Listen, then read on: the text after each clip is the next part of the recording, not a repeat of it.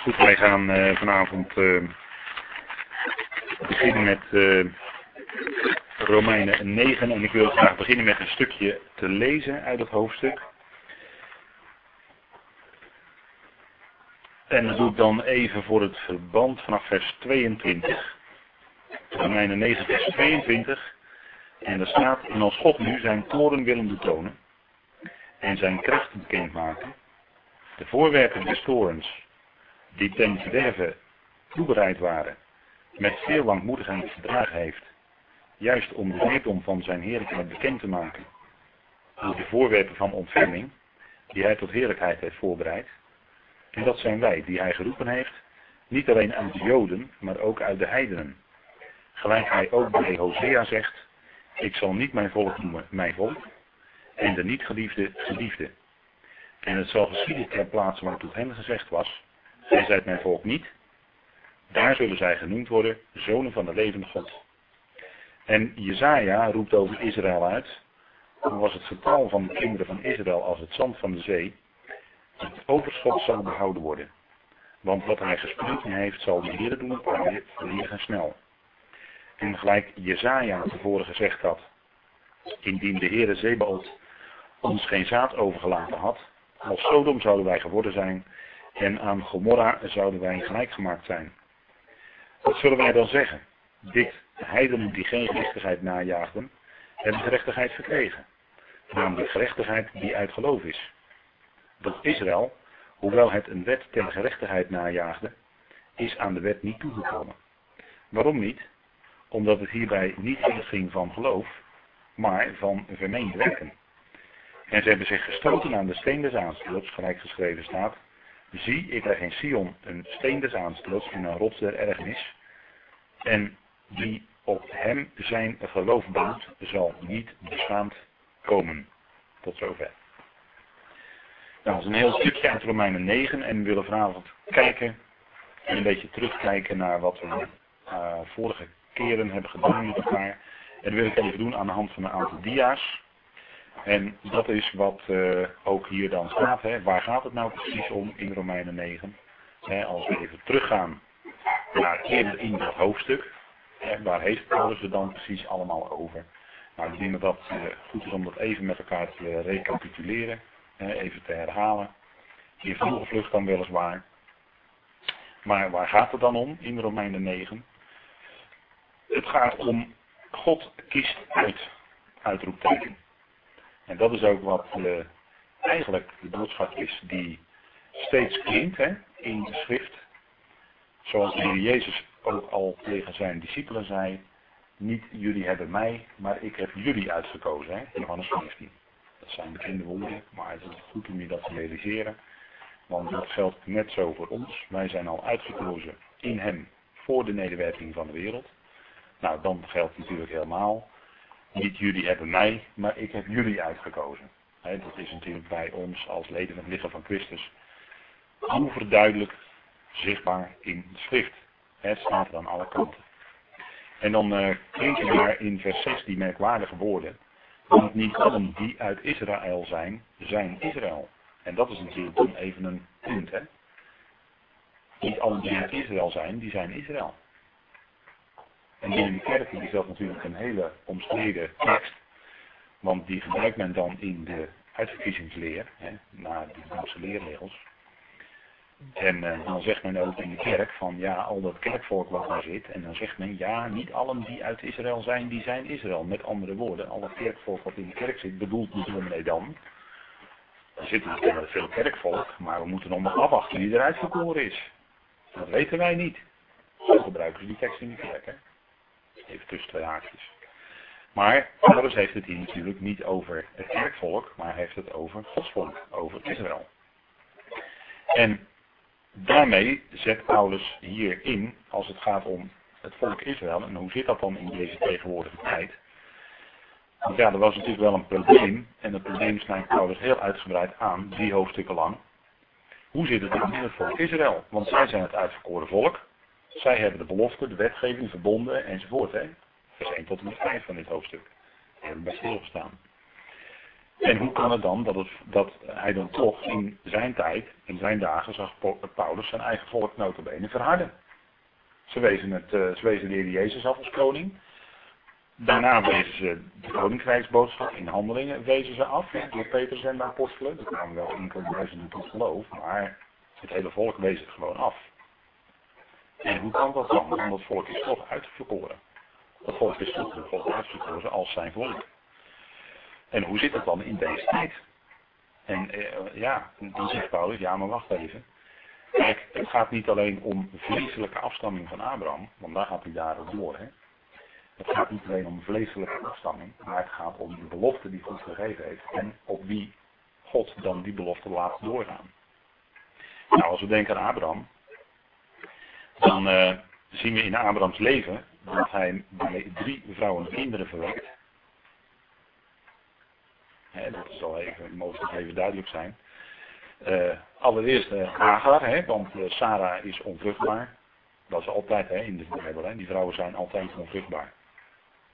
Totdat God komt en die geeft wel nageslacht. Maar dat, is, dat heeft allemaal een veel bredere betekenis dan alleen die, laten we zeggen, die aardsmoeders die in eerste instantie onvruchtbaar waren en later dan toch kinderen of zonen kregen. Maar dat is veel breder, maar dat is een onderwerp apart. Maar daarom dachten Sarai en uh, Abraham, we gaan even helpen om God die belofte waar te maken die God gegeven had. En Abraham verwekt dan de slavin, de Egyptische slavin, verwekt hij Ismaël. Ja, en als ik dit uitspreek, dan moet ik ook aan Galaten 4 denken. Dat kan ik ook niet helpen. Galaten 4, hè. Dat zijn twee verbonden. Hè? Dat zijn twee bergen, twee verbonden. Twee, en de zoon van de slavin, die volgt de zoon van de vrije. En dat is wat op vandaag de dag, dat is vandaag de dag nog steeds zo. Let maar op, daar waar de genade gepredikt wordt, en dan kom ik gewoon even heel dichtbij, daar waar de genade gepredikt wordt, daar komt de andere, uh, laat maar zeggen, de andere kant, laat maar zeggen, die komt van de wet, of van de werken, want dat is precies hetzelfde hoor, of van de werken.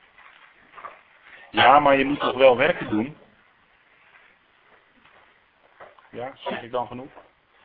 Dat is dus de kant van Hagar, hè? Dat, is de, dat is zeg maar de zoon van de slavin. En die kan niet erven met de zoon van de vrije, zegt Paulus dan. Dus dat is gelaten vier, hè. Hagar en Sarah, dat zit hier natuurlijk achter, hè. Omdat zegt Paulus, kijk, het is natuurlijk niet alleen die geschiedenis. Maar Paulus zegt, kijk, er zit natuurlijk een hele typologie aan vast. En zo is het altijd in de schrift. En zo is het in de hele Torah. Daar zit een typologie aan vast. Kijk maar naar Jozef, kijk maar naar Jacob, nou ja, ik kan eindeloos doorgaan. Maar hier zit dat ook in, hè? Hagar en Sarah.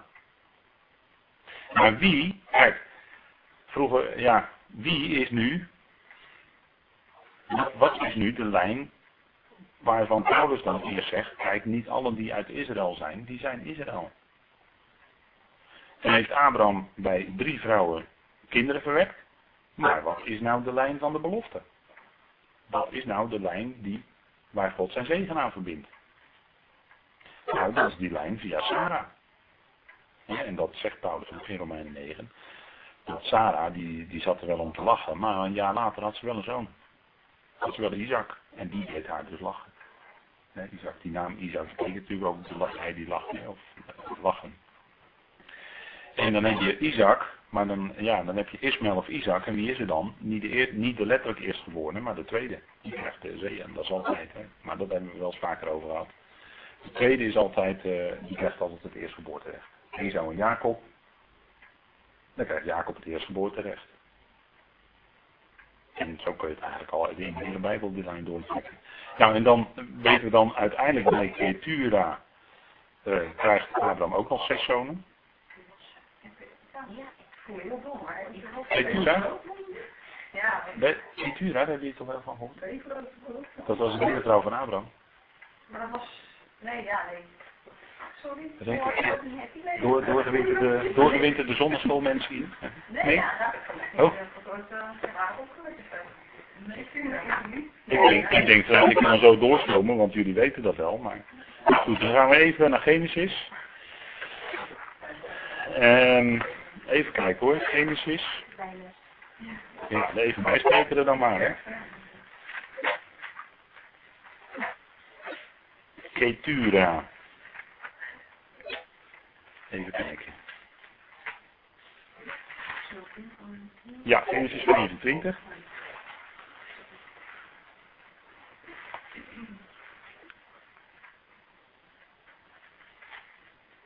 En dan lezen we in vers 1. En Abraham nam wederom een vrouw, Ketura geheten.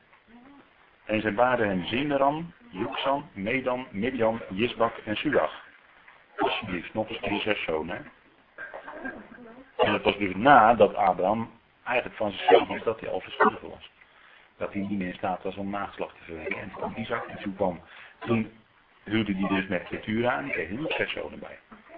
Dus het nieuwe leven wat God hem gaf, in feite, of die herleving die God hem gaf, leidde ertoe dat hij nog eens een keer zes zonen kreeg.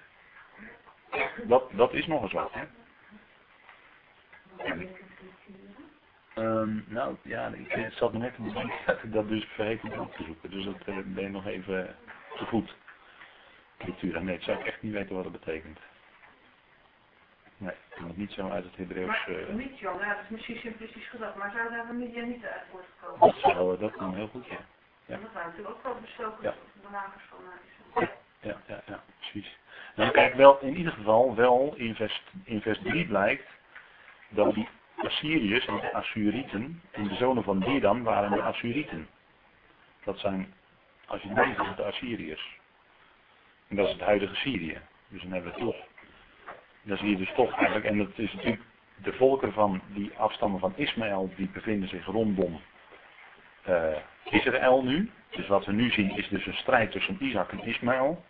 Maar je ziet dus ook daardoorheen, waarschijnlijk ook nakomelingen van Ketura. Maar uiteindelijk dus allemaal van Abraham. Dus al die volken daar in het Midden-Oosten zijn allemaal nageslacht van Abraham.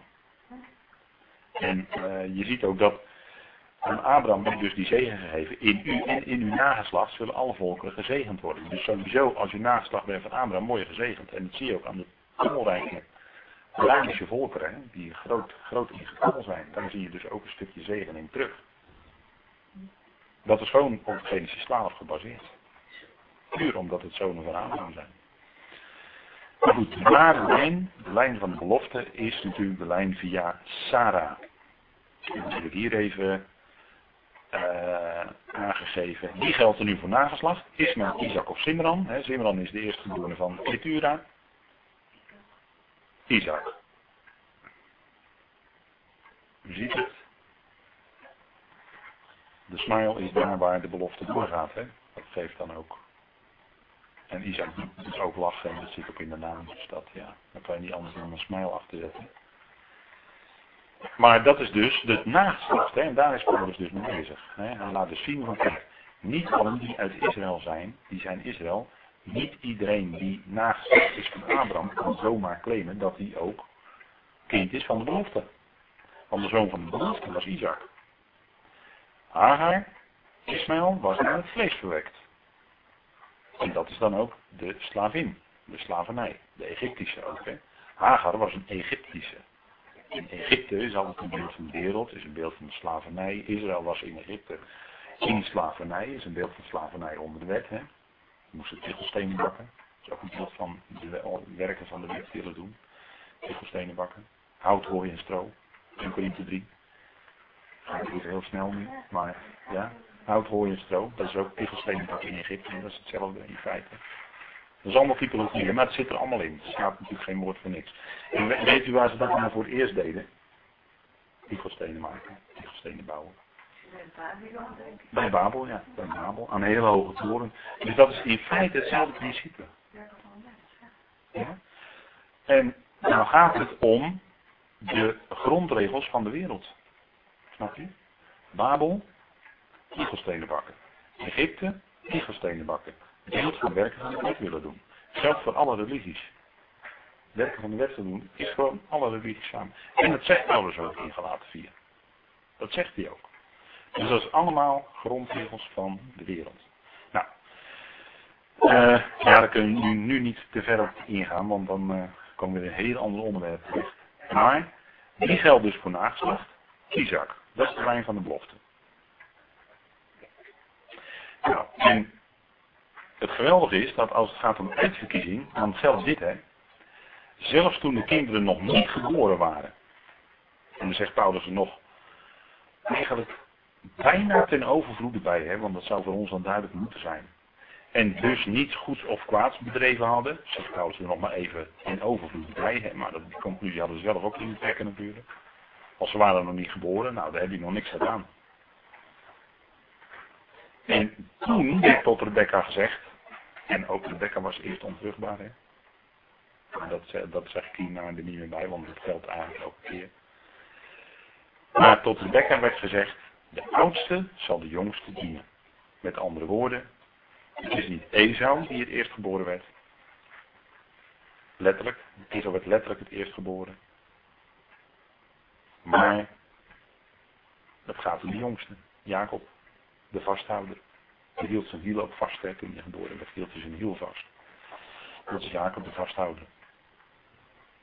En de oudste, dus Esau, dat is Edom eigenlijk. Esau is Edom hè, in de Bijbel. Rood. En het gebied van Edom, als je daar nu komt, is ook rood. Die aarde ziet er ook daar rood uit.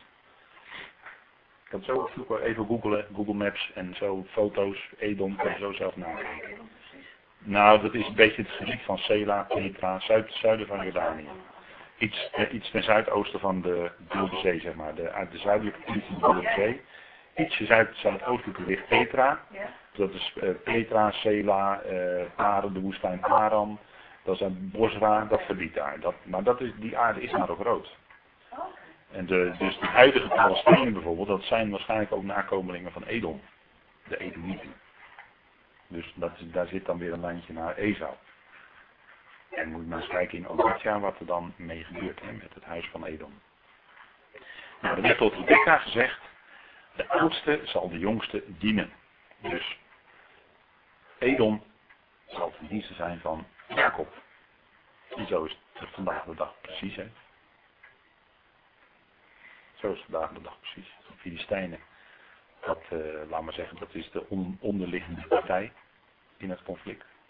Hoewel er nu zijn dus weer wel weer onderhandelingen gaan er komen voor een Palestijnse staat. Hè. Dat gaat begin september beginnen. Daar gaat iedereen zich weer mee bemoeien.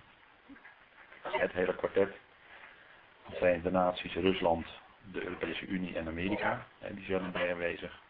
En dan heb je nog uh, Mubarak is er dan bij. En uh, Abdullah, koning Abdullah van Jordanië. Ook niet onbelangrijk. Niet onbelangrijk figuur hoor. Koning Abdullah van Jordanië. En dan natuurlijk Netanyahu en uh, Abbas hè, van de Palestijnen. Dus die gaan dan onderhandelen weer over de Palestijnse staat. En het traject nu is uitgezet zo ongeveer een jaar. Dus. Maar goed, dat uh, is allemaal. Maar het kan ineens heel snel gaan hoor. Dus dat, maar het is maar even dat u het weet dat het gaande is. de oudste zal de jongste dienen. Zo is het in de geschiedenis ook steeds geweest. Hè? Het woord van God is natuurlijk waar. En dat begon al toen, uh, toen ze nog jong waren. Toen uh, verkreeg uh, Jacob het eerste bloedrecht. En hij ontving niet eigenlijk de zegen van Isaac. Ja, hij ontving wel de zegen van de eerstgeborene. Maar toen hij wegvluchtte van huis, had hij niks bij zich. Althans niet veel. Maar hij ging naar oom Laban. Dat was zeg maar de, de, iets oudere tak van de familie. Oom. En daar ging hij naartoe. En daar werd hij pas rijk. Daar werd hij pas, kreeg hij vee en kreeg hij een heel, heel groot gezin, allemaal kinderen en noem maar op. 20 jaar was hij bij Laban. En toen keerde hij terug en toen had hij wel grote zegen gekregen. Maar ja, kon niet anders. Jacob is degene waaraan de zegen verbonden is. Dus die ging met haven en goed bij om Laban vandaan. En in de ontmoette hij Esau. En die kwam die toch weer tegen. Maar goed, toen lagen de papieren toch wel wat anders. Daar ga ik ook niet te ver op in, want uh, daar zou ook nog veel over te zeggen zijn. Maar we gaan even door. Waarom zegt Paulus dat in Romein 9, vers 11 en 13? Waarom zegt hij dat nou? Dit, hè? Waarom zegt hij dit? Wat wil Paulus hiermee onderstrepen? Ja, exact. exact. Ja. Kijk, ik heb vers 12 er even tussen uitgelaten, want dit staat in vers 12.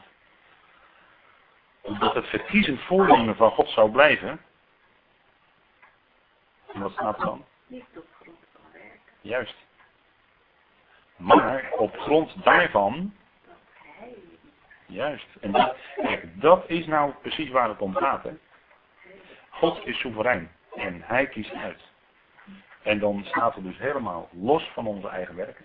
We kunnen dus helemaal niks aan afdoen of toedoen. Het staat er echt helemaal los van. Waar het om draait is het verkiezend voornemen van God. Dus hij heeft een voornemen. Hij heeft een plan. Voornemen, hè, zin in het Grieks. Dat wat hij zich voorgesteld had. En hij kiest uit in overeenstemming met dat voornemen. Dus daarom kon de Heer natuurlijk tegen Rebecca zeggen, de oudste zal de jongste dienstbaar zijn, want God wist al precies hoe het zit. God koos Jacob, niet Esau.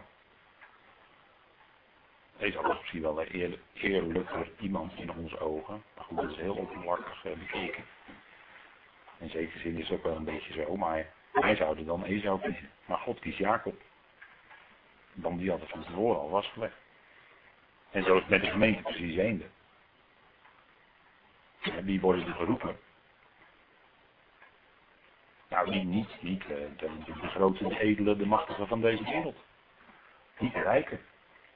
Maar juist het onedele, het verachten. Wat niet in tel is in de wereld. Dat kiest God uit. Om hetgeen wat wel in tel is in de wereld, om wat wel wijs is, om wat wel belangrijk is, om die in feite te verzamelen. En dat is nou, God kiest uit. En zo zegt Paulus, in die lijn zit Paulus ook dan in 1 Korinthe 1. Hè? Dus het is niet op grond van werken, zegt Romeinen 9 vers 12, maar op grond daarvan dat hij riep. Dus God roept. En dus op grond van zijn uitkiezen, wat hij al lang van tevoren gedaan had. Dus daarin zien we weer, het staat echt helemaal los van het menselijke gedoe allemaal. He? Zo eh, bedoel ik dan precies zoals ik het zeg, gedoe. Dus mensen doen een hoop of doen een hoop niet. Maar uiteindelijk is God het die het al lang heeft vastgelegd. En dat is nou genade. Dat is nou de verkiezing van de genade. Want als het zou gaan om werken, dan is het geen genade meer, hè, zegt Paulus uh, per hoofdstukken later. Romein 11. als, het, als het werken is, dan is het geen genade meer. het is niet een beetje ervoor werken en dan de rest genade. Want dan is het gewoon geen genade meer. Dan is het gewoon werken. En uh, Paulus die zegt dat ook bijvoorbeeld in, uh, daar kun je zien in het evangelie. Als hij zegt in Timotheus dat Christus Jezus in de wereld is gekomen om zondaren te redden. Hij zegt niet, Christus Jezus is in de wereld gekomen om het mogelijk te maken dat zondaren kunnen worden. Met andere woorden, ze moeten zelf ook nog iets doen. Of ze moeten zelf een keuze maken. Of ze moeten zelf dit, of ze moeten zelf dat. Nee, dat staat er niet. Er staat dat Christus Jezus in de wereld is gekomen om zondaren te redden. En dat doet hij ook. Hij doet dat. Maar hij kwam toch om te redden. En dan doet hij dat werk van redding, doet hij ook. En dat heeft hij gedaan. Dus dat is, dat is evangelie. Anders is het geen goed nieuws meer. Maar dat is namelijk de boodschap. Hij komt om te redden en hij redt ook. Hij doet het ook. Nou, hij roept, hè, want hier staat in feite ook evangelie hè, in vers 12. Het verkiezend voornemen van God, niet op grond van werken, maar op grond daarvan dat hij riep. En dat is goed nieuws. Dat is een blijde boodschap. Hij roept en hij trekt en hij doet het ook. Nou, die tweeling, hè. Jacob en Esau. Geef mij maar uh, linzensoep. Hè, van, uh, wat heb je? Rode linzen, groene linzen. Rode linzen, groene linzen? Schijnt, schijnt ook wel heel gezond te zijn. Alleen je kan hier en daar wel eens je e-, eerst geboorterechten doorpleiten. Maar die tweeling, hè, u ziet het, Jacob en Esau.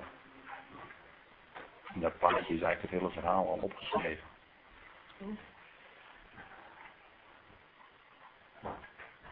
En zo ging dat.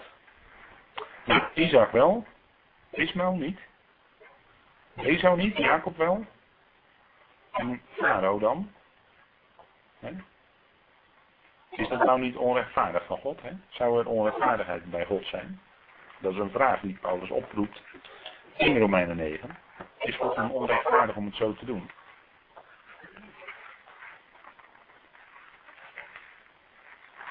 Nee, God is niet onrechtvaardig natuurlijk. Dat kan niet. Maar dat is nu het punt. God is God. En God is uh, rechtvaardig. God is een God van gerechtigheid. En hij is rechtvaardig in alles wat hij doet. En als God het dan zo doet, om Jacob wel te kiezen en Esau niet, dan is God toch rechtvaardig. En zo is het met al die dingen ook met de farao. Hij laat in feite farao machtig worden. Hij zegt zelfs dat hij farao daartoe heeft uitgewekt, uitgewekt om dat te doen. En farao moet dat doen. En daarmee is God niet onrechtvaardig. Nee, daarmee handelt God volkomen rechtvaardig. Want God is God. God is geen mens. Wij zijn mensen. Maar God is, hè, doet alles wat recht is. Nou goed, gaan we ook niet te diep op in. Mozes. Hè, hoe zit het dan met Mozes? Die die Egyptenaren doodsloeg. En Mozes die keek rond, hè. En dan heb je misschien wel op Ik denk dat ik dat, dat daar ook vandaan heb. Want Mozes eh, die zag dat uh, een, een Egyptenaar die sloeg een, uh, iemand van zijn eigen volk. En Mozes die ziet dat. En die kijkt dan om zich heen. En dan staat hij die Egyptenaar dood. Maar waarom keek Mozes nou om zich heen? Ja, dat, uh, zo hebben we het allemaal geleerd. Zo heb ik het ook geleerd volgens mij op zonneschool. Maar... Hij keek om zich heen. En toen sloeg hij die ander uit. Maar waarom keek hij dan om zich heen? En waarom nam hij nou het heft in handen, zo moet je zeggen? Hij was een type natuurlijk. Hè? Ja, ja, dat sowieso. Ja, dat zonder meer, absoluut. Nou, het is, hij is een type natuurlijk van... Uh... Ja, hier ook. Hier, dit, hier is hij ook een type hoor, als hij Egypte naar dood slaat. Als dat een type, een beeld van is. Hij, hij vermoordt de slang. Bijvoorbeeld, ja, dat zit er ook in. Maar waarom, staat, waarom uh, kijkt hij nou om zich heen? Zullen we niet gelijk iets zelf willen gaan doen? Of kijkt hij naar God? Ja, want ons is dat natuurlijk meegebracht van hij kijkt om zich heen. Alsof hij dat stiekem wilde doen. Alsof hij het graag wilde. Hij dacht van nou, uh, ik kijk om me heen. Nee, maar het, je, het is, het is uh, heel anders als je het verhaal goed leest. Het gaat er niet om dat er niemand in de buurt is, maar het gaat erom dat er niemand in de buurt is die die andere Israëliet hulp schoot. Dus hij keek eens om zich heen en hij zag dat er niemand was die die Israëliet ging helpen. En hij ging wel helpen. Dus hij ging die Egyptenaar te lijf. En dat gebeurde misschien wel ten overstaan van, uh, van een heleboel mensen. Die stonden misschien wel in de kring eromheen. Maar hij zag gewoon dat er niemand was die hielp. Dus hij, hij nam zelf het heft in handen. Niemand durfde die Israëliet te helpen. Want daarna blijkt dat toch iemand het gezien heeft. Ja, natuurlijk, er zullen wel meer zijn die het gezien hebben. En toen kwam hij terug en toen wezen ze hem aan. Kijk, hij was het. En toen moest hij maken dat hij wegkwam natuurlijk voor die Egyptenaren. En Jezus was het toch ook niet? Nee. Was toch ook alleen in... Uh... De, heer, de Heer keek als het ware om zich heen. Laten we zeggen, in het hele heelal. En er was niemand die die mensheid kon redden. En hij ging het doen. Dat zit er ook in, hè. Dus je kan het heel breed trekken, dus wereldwijd. En toen die op, uh, in uh, Gethsemane was, ze konden niet een ogenblik waken. Nee, ook niet. Dus uh, er was niemand die kon waken. Maar hij deed dat wel. Dat... Paulus was ook helemaal alleen ja. voor... Ja. Uiteindelijk, bijna, bijna allemaal waren ze hem, hadden ze hem weer verlaten. Dus ja, dat was een eenzame strijd die Mozes ging doen. Of tenminste waar hij mee begon. En toen moest hij eerst nog uh, 40 jaar naar Midian. En daarna kwam hij terug om het volk 40 jaar te leiden. Hè? Ja.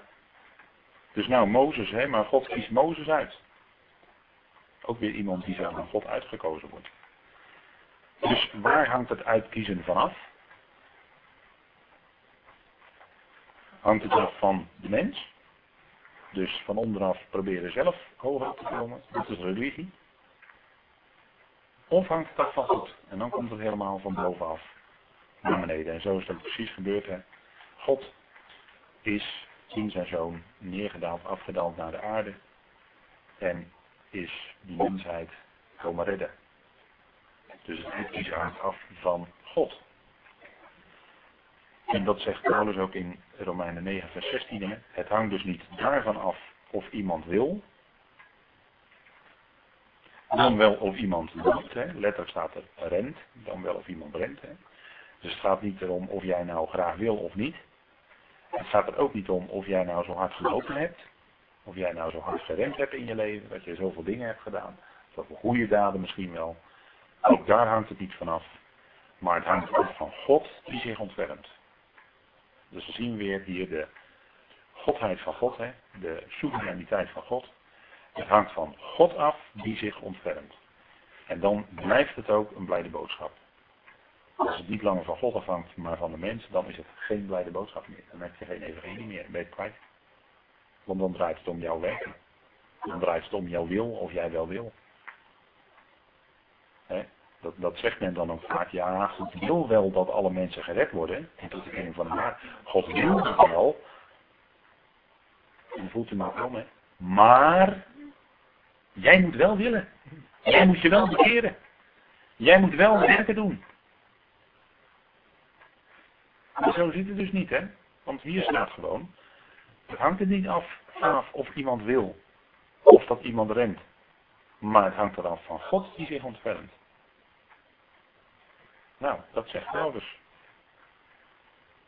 En, en dat is in feite hetzelfde als wat we net zagen in vers 12. In feite is dat gewoon hetzelfde verhaal. Het is niet op grond van werken, maar op grond daarvan dat hij riep. Dus het is niet of iemand wil of dat iemand rent, hè? niet op grond van werken. Maar het is God die zich ontfermt. Met andere woorden, hij roept. Dat is gewoon hetzelfde. Met andere woorden gezegd. En wat andere facetten staan er dan aan de voorgrond. Dus dan zitten we in vers 16. En is Paulus gewoon nog met, met dat punt bezig. Hè. Het hangt gewoon niet af van of dat volk Israël nou wel wil, ja of nee. Of dat ze, nee, het hangt of God zich ontfermt. Hij ontfermt zich dus over wie hij wil. Hij ontfermt zich over Mozes. En door Mozes heen ontfermde hij zich over het volk. En hij verhardt wie hij wil. God zei van tevoren al tegen Mozes dat hij Farao's hart zou veranderen. Hij verhardt wie hij wil. Want Farao was zelf helemaal niet zo'n harde jongen. Farao die was eigenlijk maar een mak lammetje. Die wilde eigenlijk Israël bij de eerste de beste plaag laten gaan, bij de tweede. Maar het was nodig dat God zijn hart verhardde, omdat het een enorme, hè, het zou enorm groot moeten worden, zodat God zich enorm zou kunnen verheerlijken aan die farao. En dat farao en zijn ruimtes dan in de Rode Zee ten onder gaan. Ja, dat, ook dat is nog zelfs rechtvaardig hoor, van God dat hij het zo doet. Dat is niet onrechtvaardig, maar dat is rechtvaardig van God. En hij verhardt wie hij wil. Nou, dat is dus bij de farao. En dat is ook deze tijd. En dat geldt dus ook voor het volk Israël, hè, wat Paulus in zijn dagen zag. Want daar is hij ook mee bezig. Het volk Israël verhardde zich als volk. Dat zag Paulus gebeuren. Er waren maar enkele die werkelijk geloofden. Nou, die dan dat volk verhardt. Hij, zegt Jezaja, geeft hen ook een geest van diepe slaap. En ogen om niet te zien en oren om niet te horen. Dat is zelfs ook een werk wat God doet. Dat kunnen wij bijna niet voorstellen, maar zo is het wel. Dus dan zien we God eigenlijk met die volkeren als de grote koekenbakker.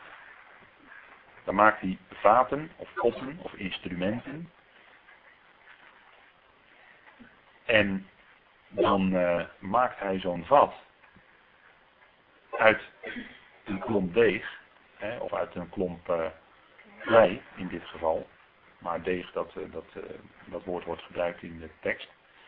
Maar God, de pottenbakker, die maakt dan een instrument tot zijn eer, of zelfs tot oneer. En daarin laat hij zijn toren, daarin maakt hij zijn toren zijn verontwaardiging bekend. Hè. En die potten of die vaten, die draagt hij met veel geduld, zegt hij. Hij draagt met veel langmoedigheid, met veel geduld, de vaten die hij van tevoren toebereid heeft tot het verderf. Tot het doorn. En dat is Gods werk en dat doet hij met volkeren. En we hebben toen met, aan de hand van Jeremia 18 gezien dat die uh, daar uh, een, uh, klomp klei heeft En dan maakt hij een pot uit en het is niet naar zijn zin. En dan moet hij weer terug moet een klomp maken. Daar wordt niks weg. Maar dan maakt hij uit diezelfde klomp maakt hij weer een nieuw. Zo is die pottenbakker dan een beetje bezig. En uh, dat is het werk wat God doet, ook in deze tijd met de volken. Dat zijn allemaal instrumenten. Hè? En uh, een vat ter oneren, ja, dan zou je kunnen zeggen, ja, dat is misschien een volk dat nu vijandig is tegen Israël. Maar Israël is zelf nu in deze tijd ook niet een vat ter ere van God. Hè? Is uh, ook niet een gelovige staat. Dat is een staat in ongeloof. Dat hebben we al meerdere keren met elkaar niet besproken. Dus God is als de pottenbakker aan het werk. En dan maakt hij vaten ter ere en ter onere. En dat is uh, zijn werk ook. Allemaal. Dus uh, nou, het is goed om uh, even op dit punt met elkaar te pauzeren. Dan gaan we na de pauze weer met elkaar verder. Wij zijn gebleven bij vers 23. Zoals je ziet staan op de dia. En God die maakt zijn rijkdom van zijn heerlijkheid bekend. We hadden het net voor de pauze even over de vaten ter ere en ter onere. Die door God gemaakt worden als de grote pottenbakker. En dan zegt Paulus om de rijkdom van zijn heerlijkheid bekend te maken over de voorwerpen van ontferming. Je hebt voorwerpen van toren, dus van de verontwaardiging, die God draagt met veel geduld, staat in Romeinen 9. Maar ook voorwerpen van ontferming die hij tot heerlijkheid heeft voorbereid. Dat is het grote werk dat God in deze tijd doet. Dat hij met de volkeren, zeg maar, roept. En dat God dus een plan heeft met al die volkeren. En dan krijgen we dus Jezaja. Dit is een uh, schets van Rien Poortvliet over Jezaja. Een impressie van hoe hij uh, Jezaja ziet.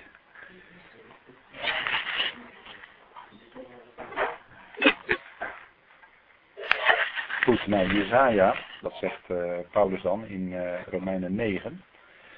Jezaja roept over Israël uit, vers 27 zitten we dan in ons. We gaan een beetje in vogelvluchten. Roept over Israël uit, al was het getal van de kinderen van Israël als het zand der zee. Het overschot zal behouden worden. En dat heeft dus alles te maken met die lijn van uitverkiezingen, die we eigenlijk in het hele hoofdstuk al te pakken hebben. En dat citeert Paulus dan uit Jezaja 10, vers 22 en vers 23.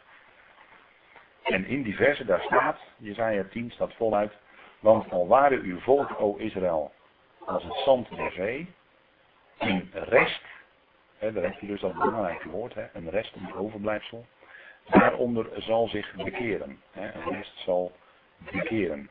Zal zich bekeren, zal terugkeren, kun je ook vertalen.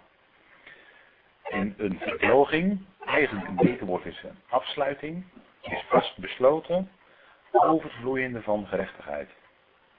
En dat is waar het uiteindelijk wel op uitloopt. Want Jezaja is de profeet van de hoop, hè? profeet van de rest, profeet van het gelovig overblijfsel. Uiteindelijk is er ook troost voor dat volk. En dat de God dan in dat volk ook uitwerkt. En dan zegt hij ja, een verdelging, opnieuw is daar het woord afsluiting beter, die vastbesloten is, voltrekt de Heer, de Heer van de Heerscharen, Yahweh Zebaot, dat is de Heer van de menigten, in het midden van het hele land. En dat is toch een, uh, je, kunt, je kunt daar ook aarde vertalen, maar uh, het lijkt hier in deze tekst beter om hier het land te vertalen, omdat het echt te maken heeft met Israël. In het midden van het land. Er zal een rest zal behouden worden. En het wordt later dan in de profetieën, wordt dat ook wel nader ingevuld. Zeker als je kijkt bij een profeet als Daniel, die heel gedetailleerd over de eindtijd schrijft. Dan zien we, en ook in Zacharia en de andere profeten, dat daar uiteindelijk een rest, een overblijfsel, een gelovig overblijfsel, zo moet ik het zeggen, behouden wordt, ook als die dag des Heren gaat aanbreken. En daarbij moet je wel even beseffen dat die dag des heren, als die begint, dan zitten we al aan het einde van de 70ste week van Daniel. Hè? Pas dan begint de dag des heren, volgens de profetieën, niet eerder.